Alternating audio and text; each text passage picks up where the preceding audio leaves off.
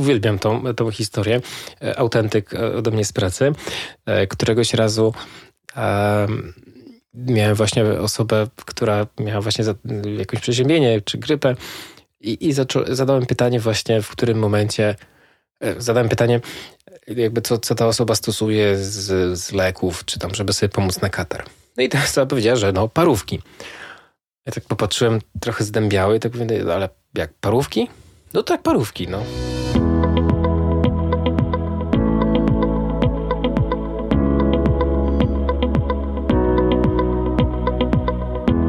Słuchasz podcastu Jak pracować w POZ, jedynego takiego miejsca w sieci, w którym odkrywam tajemnice i obalam mity na temat codziennej pracy specjalistów medycyny rodzinnej.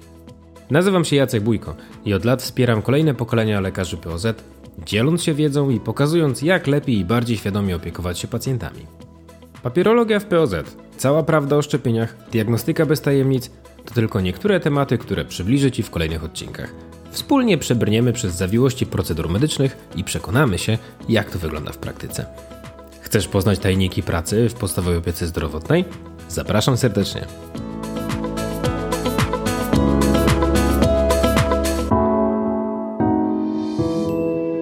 Cześć moi drodzy, nazywam się Jacek Bójko, witam Was jak zwykle bardzo serdecznie, tym razem już w nowym roku, w nowym sezonie podcastowym.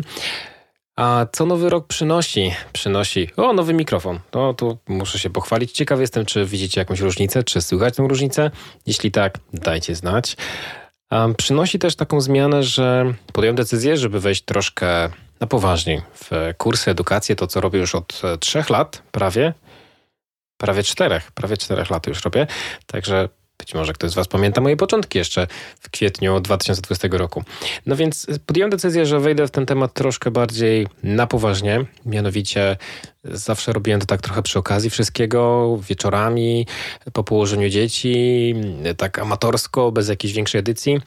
I tak pomyślałem, że w sumie e, słuchaczy Was jest już na tyle dużo i e, tyle osób e, bierze udział w moich kursach, że chyba zasługuje to wszystko na takie poważniejsze potraktowanie.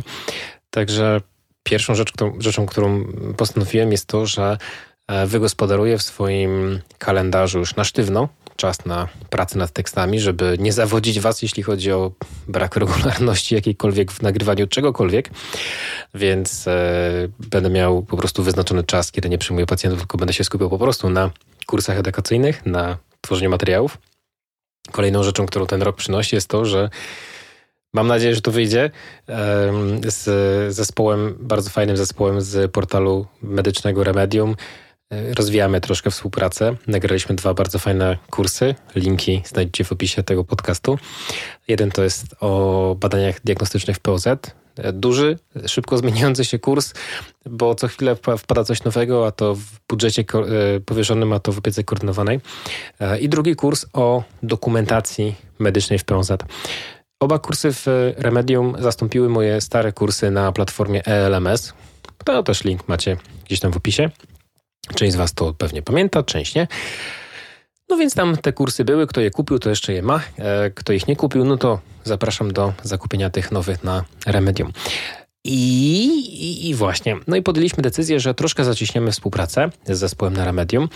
E, mianowicie w planie są nowe kursy i tutaj chętnie przyjmę wszelkie Wasze sugestie. Ja myślałem, że dwa takie chyba najbardziej hot topics, które będą tak teraz właśnie na wiosnę, to przeziębieniologia, czyli reedycja mojego bardzo popularnego e, webinaru, e, części kursu Najczęstsze dolegliwości w POZ, czy właśnie o katarki, kaszelki, te wszystkie takie najprostsze rzeczy, które jednak zajmują nam dużo czasu. Bardzo wiele osób brało udział w tych kursach o przeziębieniologii. Często powtarzałem to w różnych e, scenariuszach, w różnych wydarzeniach i w Naczelnej Izbie Lekarskiej nie tylko. I zawsze wiele miłych słów słyszałem od Was, także plan jest na reedycję właśnie tego. Nie wiem, co sądzicie. Dajcie znać. A kolejnym pomysłem jest e, w końcu zabranie się za astmę wczesnodziecięcą, w ogóle za astmę, bo jakkolwiek ten temat jest ruszany w wielu różnych e, ujęciach, to chyba brakuje takiego jakby wstępnego, prostego źródła opisującego właśnie to, jak do tego tematu podejść w scenariuszu, w scenerii, w scenerii POZ-u. Trochę o nebulizacji, o komorach inhalacyjnych, o tym, jak do tego w ogóle podejść, jak refundować, jak prowadzić, zwłaszcza odkąd w opiece koordynowanej pulmonologicznej ścieżce właśnie jest astma dziecięca, też wczesnodziecięca. Także, także to jest coś, co chciałbym się zabrać. Kolejnym kursem, na którym chciałbym się jakoś tak bardziej pochylić, jest też refundologia. Kolejny bardzo popularny fragment moich kursów mówiący o tym, co możemy refundować, kiedy, gdzie i jak. Refundologia to jest w ogóle temat, który narodził się, e, gdy będąc na zagranicznych kursach e, w Holandii czy w Stanach, e, Boże, w Stanach, jakich Stanach? w Anglii czy w Hiszpanii, opowiadałem po prostu kolegom, jak wygląda system refundacji w Polsce. I wszyscy się pukali w głowę, jakim cudem my w ogóle możemy tu pracować. No i za każdym razem, jak opowiadam stażystom, studentom, czy młodym rozpoczynającym lekarzom, jak działa system refundacji w Polsce e, i jak to wygląda w POZ, no to się pukają w czoło. No więc e, to jest tak, taka esencja tego właśnie, co mówię i pomyślałem, że moglibyśmy zrobić właśnie reedycję z Remedium, żeby był taki pakiecik właśnie dla każdego, kto rozpoczyna pracę w POZ. Jeśli masz jakiś pomysł na jakieś inne tematy, które powinniśmy się zabrać z e, ekipą z Remedium, e, daj koniecznie znać, napisz do mnie maila. E, mój adres jest w opisie. No i teraz kolejnymi rzeczami, które chcielibyśmy zrobić, no to konferencje. Dawno nie jeździłem na konferencję jako wykładowca. Zazwyczaj tego raczej unikałem z różnych powodów. A teraz tak pomyślałem, że chętnie sobie pojeżdżę, bo ubiegły rok pokazał, że spotykanie Was, osób, które słuchają tego, co tworzę. Strasznie, strasznie przyjemne i fajne. Także e, chciałbym po prostu spo, poznać Was osobiście, spotkać się z Wami. A nie ma lepszego chyba rozwiązania niż właśnie spotkanie się na konferencjach różnego rodzaju. Cały czas też pracuję nad książką. Jest to strasznie żmudne, długotrwałe i no jak się to robi w pojedynkę, to jest to po prostu trudne. Także jest kilkadziesiąt osób, które zapisały się do mojego newslettera poświęconego książce. E, nie wiem, czy tam jesteś. Jeśli nie, to zapraszam. E, link też będzie w opisie. I idzie to mi bardzo wolno, także mam nadzieję, że może uda mi się do końca roku to zrobić.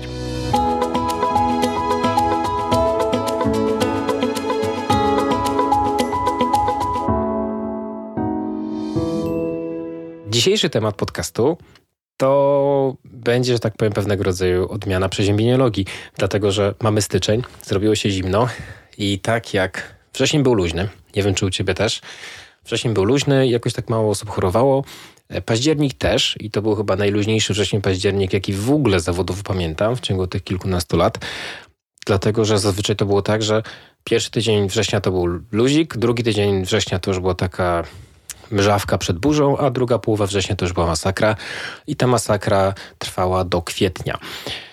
W tym roku, o dziwo, wrzesień, październik, listopad były w miarę luźne, a potem w grudniu ten worek zaczął się rozwiązywać. Przed świętami już zaczęło się robić ciężko. No i aktualnie to teraz znowu króluje właśnie RSV, grypa, COVID chyba, chyba to jest główne coś, co nam w testach wychodzi i ogólnie tak wygląda. E, ostatni tydzień to mam wrażenie w ogóle był pod znakiem e, zapalenia skrzelików RSV u małych dzieci, bo miałem wrażenie, że prawie tylko to przychodzi do mnie do, e, do przychodni.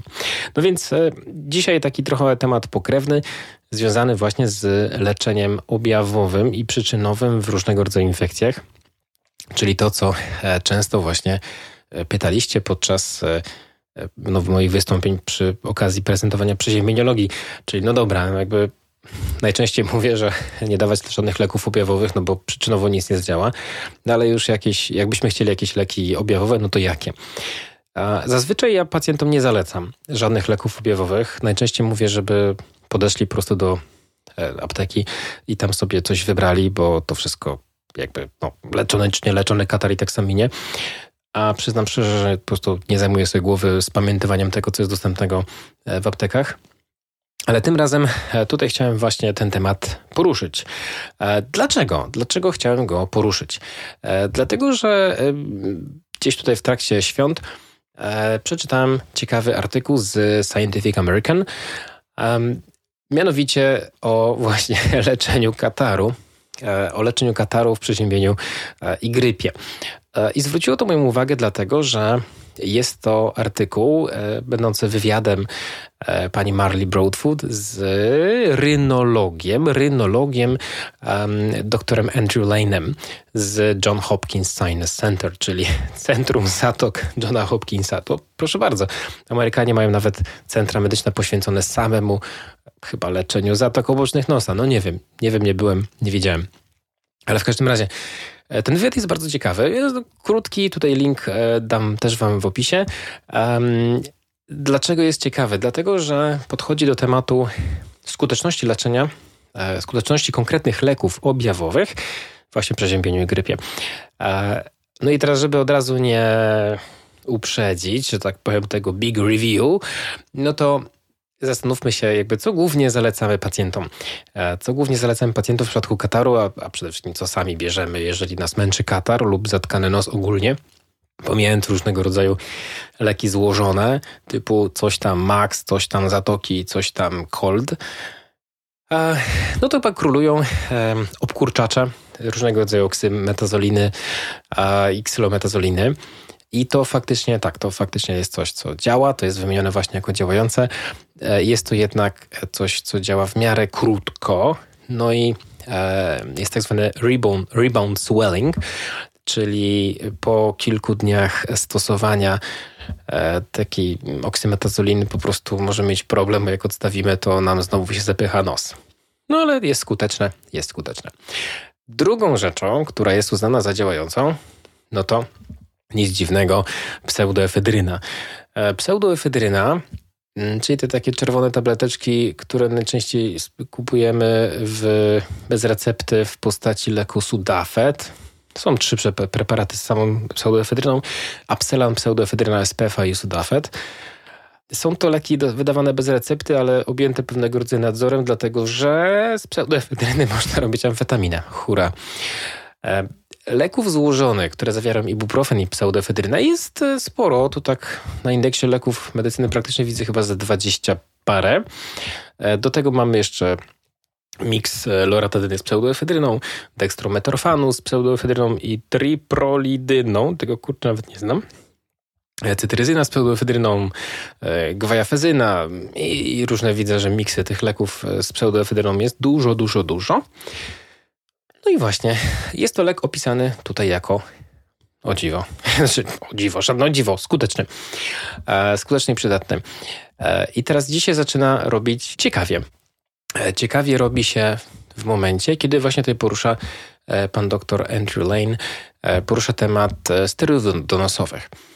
Przyznam się, że mam wrażenie, że dosyć często się mówi właśnie o zastosowaniu sterydów donosowych właśnie w zapaleniu zatok, e, w katarze, w jakimś takim przejściu, jeśli ktoś długo stosuje eksylometazolin, oksymetazolinę, ksylometazolinę e, i jakby chcemy te, od tego e, kogoś odstawić, dajemy właśnie sterydy donosowe.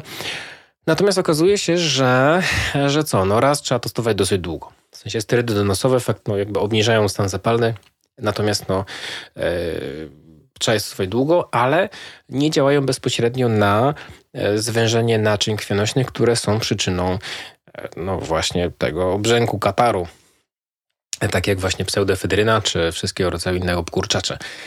Co to oznacza? Że no, jeżeli ten katar i no, zatkany nos nie wynika z alergii, no to wygląda na to, że sterydy nosowe nie za bardzo na to po prostu wpłyną. Oczywiście część osób jest alergikami i, i też choruje na przeziębienia, a jeśli to się po prostu połączy, no to, to po prostu wtedy e, takie styly trochę zadziałają.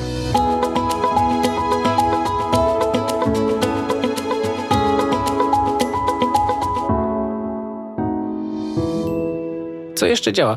Działają półkanki z soli fizjologicznej, w zasadzie 0,9% NaCl, no ciężko to nazywać solą fizjologiczną, ale tak to kulturowo już nazywamy, czyli no generalnie rzecz biorąc stosowanie różnego rodzaju takich no, e, czy irygatorów, czy innych urządzeń do przepłukiwania po prostu nosa. Inną opcją są też, no właśnie, parówki. I tutaj uwielbiam tą, tą historię. E, autentyk e, ode mnie z pracy. E, któregoś razu miałem właśnie osobę, która miała właśnie jakieś przeziębienie czy grypę. Zadałem pytanie, jakby co, co ta osoba stosuje z, z leków, czy tam, żeby sobie pomóc na katar. No i ta osoba powiedziała, że no parówki. Ja tak popatrzyłem trochę zdębiały i tak mówię, no, ale jak parówki? No tak, parówki, no. I kurde, no, no dobra, no ale jak katar, parówka, no to parówki sobie wkłada do nosa, czy, czy, czy, czy nie wiem, czy co robi z tymi parówkami.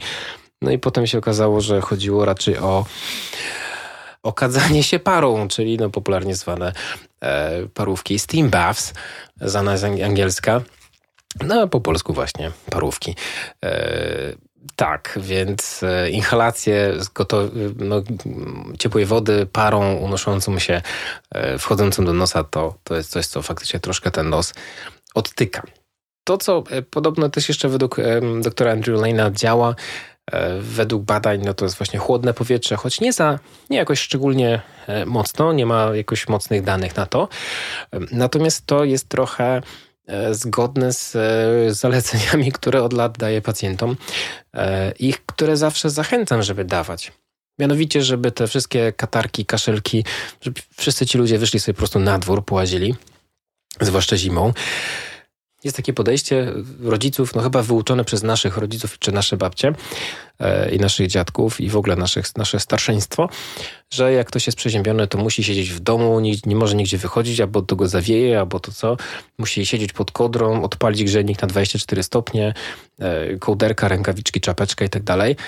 No ja zazwyczaj się właśnie wyrywałem z tego nurtu i swego czasu zgłębiałem ten temat. Nie znalazłem nic przekonującego, co by to podpierało, że tak powiem, medycznie, więc zalecam po prostu, że jeżeli ktoś jest chory, to siedzieć w domu nie musi, przegrzewać się nie musi. E, powyżej 20 stopni w domu nie powinien mieć. E, spacery na dworze jasne, cały dzień na dworze jasne. E, I moim takim typowym zaleceniem dla przeziębionego dziecka mówiąc z rodzicami, to po prostu wziąć to dziecko na dwór, dać mu lody, e, spędzić dzień na zabawie, jeśli tylko to toleruje. No i tu się okazuje, że właśnie e, są badania, które e, pokazują, że chłodne powietrze trochę pomaga z tym katarem. Także ma to jakiś sens. W podobnym znaczeniu jak te parówki, to te parówki to też jeszcze e, gorący prysznic, no bo mamy wtedy parę wodną unoszącą się, a tutaj nawet jest w artykule, że e, miskę gorącej zupy potrafi, że tak powiem, tę te, te parę stworzyć. E, być może stąd popularność takiego typowego rosołku na chorobę, na przeziębionko, bo jak się zagrzeje taki dobry rosołek, to po pierwsze, no, pomijając smak i poczucie zaopiekowania, no to jeszcze tworzy się ta para, która nam odtyka nos. I ma to sens. Ma to sens. Y, gorący rosołek to jest coś, tego, czego nigdy nie odmawiam podczas przeziębienia e, i co też zazwyczaj zachęcam, żeby robić, jeśli ktoś jest przeziębiony.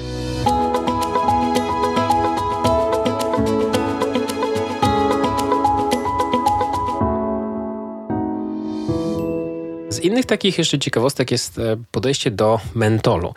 E, mentol często jest e, w różnego rodzaju preparatach, maściach, jakichś takich właśnie wcierkach. Głównie dlatego, że mentol, no jakby tak się mówi, że odblokowuje nos. W sensie te wszystkie takie, nie były chyba kocie maście, chyba nawet kocie, kocia maść taka ale też widziałem dużo takich jakichś trików na Facebookach, że tam się jakąś podpaskę nasącza, jakimiś olejkami etyrycznymi się przykleja przy ścianie w pokoju dziecka. Nie, nie znam generalnie tematu, nie wgłębiłem się w to, natomiast zakładam, że chodzi generalnie właśnie o mentol i, i różnego rodzaju inne olejki eteryczne. No więc mentol Tutaj wychodzi na to, że według aktualnej wiedzy medycznej nic absolutnie nie robi, jeśli chodzi o przepływ nosa w jamach nosa, natomiast to, co robi, to jakby subiektywnie daje wrażenie, że, że przez ten nos lepiej przechodzi powietrze, bo tak jakby oszukuje to nos, żeby myślał, że jest przepływ powietrza. Także no jest takie poczucie właśnie chłodzenia, prze, poczucie przepływu powietrza, ale wygląda na to, że nie ma absolutnie żadnego wpływu na, na przepływ właśnie powietrza w nosie. I, i jakby te same efekty ma tak samo no, olejek eukaliptusowy czy wyciąg z mięty pieprzowej. To, co jeszcze się okazuje, że działa, no to pozycja ciała jeśli leżymy zupełnie na płasko, e, w takiej no, zmęczonej pozycji, na pleckach, na brzuszku, a zwłaszcza na brzuchu, że tak powiem, z nosem w dół, no to wtedy siłą rzeczy krew zbiera się, że tak powiem, w najniższych częściach ciała e, i z kolei no, jakby łatwiej wysięka do jam nosa. I tutaj właśnie zalecane jest to, żeby e, mając zatkany taki zupełnie nos kataralny, no to właśnie spać z głową uniesioną na poduszce, co może po prostu troszkę pomóc z tym zatkanym nosem. I tutaj właśnie taka ciekawa analogia, no bo dlaczego, dlaczego to ma działać? No na tej samej zasadzie, co jak się skręci kostkę e, i ma się obrzęk i, i wtedy jest to protokół RISE, czyli Rest, Ice, Compression i Elevation, czyli odpoczynek, e, chłodzenie, e, ucisk i uniesienie kończyny powyżej poziomu serca. Na tej samej zasadzie ma to działać też na katar, więc no, no co tu dużo mówić, można zalecać, jak ktoś właśnie choruje, ma katar, żeby właśnie spał w miarę wysoko. Natomiast no to chyba nie jest zbyt wygodna pozycja do spania.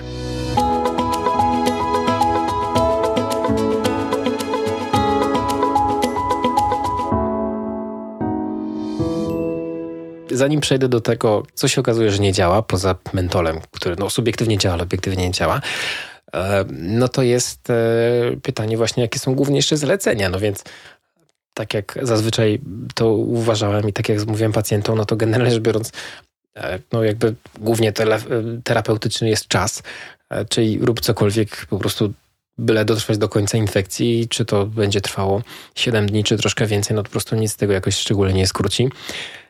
Ach, gdzieś tam, gdzieś tam, gdzieś tam trafiłem na informację, że chyba donosowe preparaty cynku, których chyba nie ma w Polsce, jeśli się mylę, dajcie znać, e, podobno skracają przebieg infekcji kataralnej właśnie jakiś tam dzień, czy dwa, czy trochę mniej. E, no w każdym razie nic nie skraca tej infekcji, e, są tylko leki objawowe, Część jest skuteczna, część nie, część e, daje działanie pożądane. Tak jak pseudoefedryna wzięta na noc, to może dawać wrażenie, jakby ktoś świeżo machnął filiżankę kawy. E, część pacjentów po pseudoefedrynie trafia do nas e, hercklekotami czy kłotami serca. No, z uwagi na po prostu działanie przyspieszające. Część może mieć też drżenia mięśniowe, a część w ogóle leków na przykład może dawać senność, dla niektórych może być właśnie pożądane. No i teraz, i teraz właśnie ciekawostka, co nie działa. Co nie działa. No więc y, jesienią tego roku Food and Drug Administration, czyli jak to tłumaczy, to nie wiem, Ministerstwo, Organizacja e, Leków i Żywności e, stwierdziła, że to, co nie działa w odczyszczaniu zatkanego nosa, to fenylefryna, która jest napakowana w bardzo dużej ilości leków typowo sprzedawanych bez recepty właśnie e, na przeziębienia. Jeśli chodzi o samą fenylefrynę, e, no to jest e, faktycznie składnikiem dużej ilości leków. Można fenylefrynę kupić w jednym leku dostępny bez recepty, anozin w kapsułkach twardych jako lek pojedynczy. No i tu mamy mnóstwo, mnóstwo, mnóstwo leków różnych tam typu Max Grip Junior, coś tam jest to wielu, wielu różnych leków dostępnych bez recepty i właśnie okazuje się, że e, praktycznie stosowanie tego leku w postaci złożonej z fenylefryną po prostu działa tak jak ten lek podstawowy, czyli ibuprofen lub paracetamol. Część osób może powiedzieć, że mm, no, no dobra, no jakby jaka w tym szkoda, że ktoś stosuje sobie preparat ibuprofenu z fenylefryną e, kupiony bez recepty, jeśli ma katar czy cokolwiek. No szkoda jakaś niewielka no, jakby brak korzyści jest szkodą, to można powiedzieć jakby w ten sposób filozoficznie. Mm, drugi minus jest taki, że co prawda fenylfryna ma dosyć mało działań niepożądanych, zwłaszcza w porównaniu do pseudoefedryny, e, to jednak jakieś tam może mieć. No to jednak koszt. E, dla przykładu, otwieram sobie indeks leków, fenylefryna z ibuprofenem. Szukam, szukam, szukam. Proszę bardzo, lek mm, Zatoki, TAPS, 12 tabletek, 13 zł 20 groszy według indeksu leków, czyli apteka może to sprzedać za dużo więcej. Dla porównania 200 mg ibuprofenu w preparacie ibuprofenu na receptę to jest chyba 6 zł za 60 tabletek 200 mg, czyli no jakby straszna przebitka. E, czy ma to sens? No nie ma sensu w takim razie. No, jeśli ktoś miałby kupować preparat z fenylefryną, to już lepiej kupić po prostu sam paracetamol lub sam ibuprofen, bo po prostu fenylefryna e, nie za bardzo działa. Ale e, jest pewnego rodzaju malutki wyjąteczek, kiedy fenylefryna działa. Mianowicie działa, kiedy jest podawana bezpośrednio do nosa. Jako preparat podawany do nosa, z tego co widzę, fenylefryna dostępna jest w kilku preparatach, to będzie chyba ze trzy trzy preparaty Envil Catar, Sinumedin i Otrivin Allergy. I to są te trzy preparaty, które faktycznie jako leki ODC e, są, po prostu zawierają fenylefrynę do podawania donosowego. E, w tym momencie można by było powiedzieć, no dobra, czy to jest lepsze od oksymetazoliny, kslometazoliny? Hmm, nie za bardzo chyba. E, wygląda na to, że tak samo ma ograniczenie, jeśli chodzi o ilość stosowanych dni. Otrivin Allergy ma wpisane, żeby nie stosować dłużej niż 7 dni, no więc chyba mamy ten sam efekt. Podobnie mm, zobaczmy Envil Qatar. No tutaj jeszcze lepiej, nie, nie dłużej niż przez 3 dni. Także czy to ma jakąś przewagę od typowych, do typowych od obkurczaczy? Hmm, no nie wydaje się.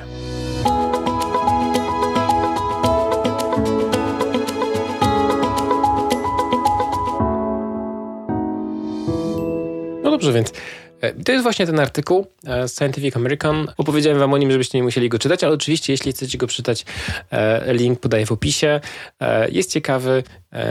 Poza tym, co powiedziałem, niewiele więcej tam jest i jest to taka mała ciekawostka dla was, jeśli chodzi o leczenie objawowe w Katarze, czyli tym, co teraz jest najbardziej na topie. No a teraz, jak już mamy to umówione, to powiedz mi, jakie ty znasz ciekawe sposoby na katar, przeziębienie. Wiadomo, no wiedza medyczna zbyt wielu rozwiązań nam nie podaje, ale może znasz jakieś fajne domowe sposoby, których, które znasz po prostu ze swojej rodziny, albo, albo właśnie może coś znasz od swoich pacjentów, jakieś ciekawostki, z którymi przyszli do ciebie. E, jestem bardzo ciekawy tego, co znacie, e, co spotkaliście, jakie historie napotkaliście na swojej drodze w zawodzie lekarza, lekarki, osoby lekarskiej. Także bardzo chętnie posłucham, poczytam.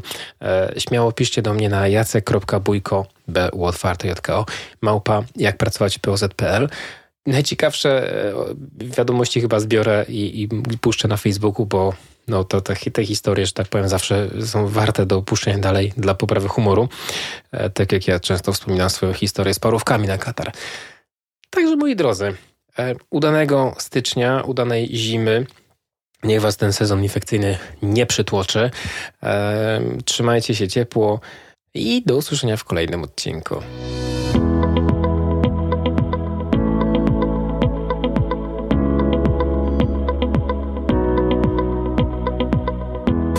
Był kolejny odcinek podcastu Jak pracować w POZ.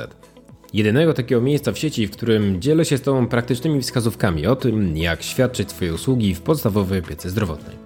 Jeśli masz apetyt na więcej, zapraszam Cię na moją stronę www.jacekbójko.pl B otwarte J-K-O. Znajdziesz tam z czasem wszystko, co musisz wiedzieć o medycynie rodzinnej w przystępnej formie i z mnóstwem przykładów z praktyki lekarza rodzinnego. Ucz się od najlepszych, zasubskrybuj mój podcast i poznaj wszystkie tajniki pracy w podstawowej piecy zdrowotnej. Dzięki serdeczne i do usłyszenia w kolejnym odcinku.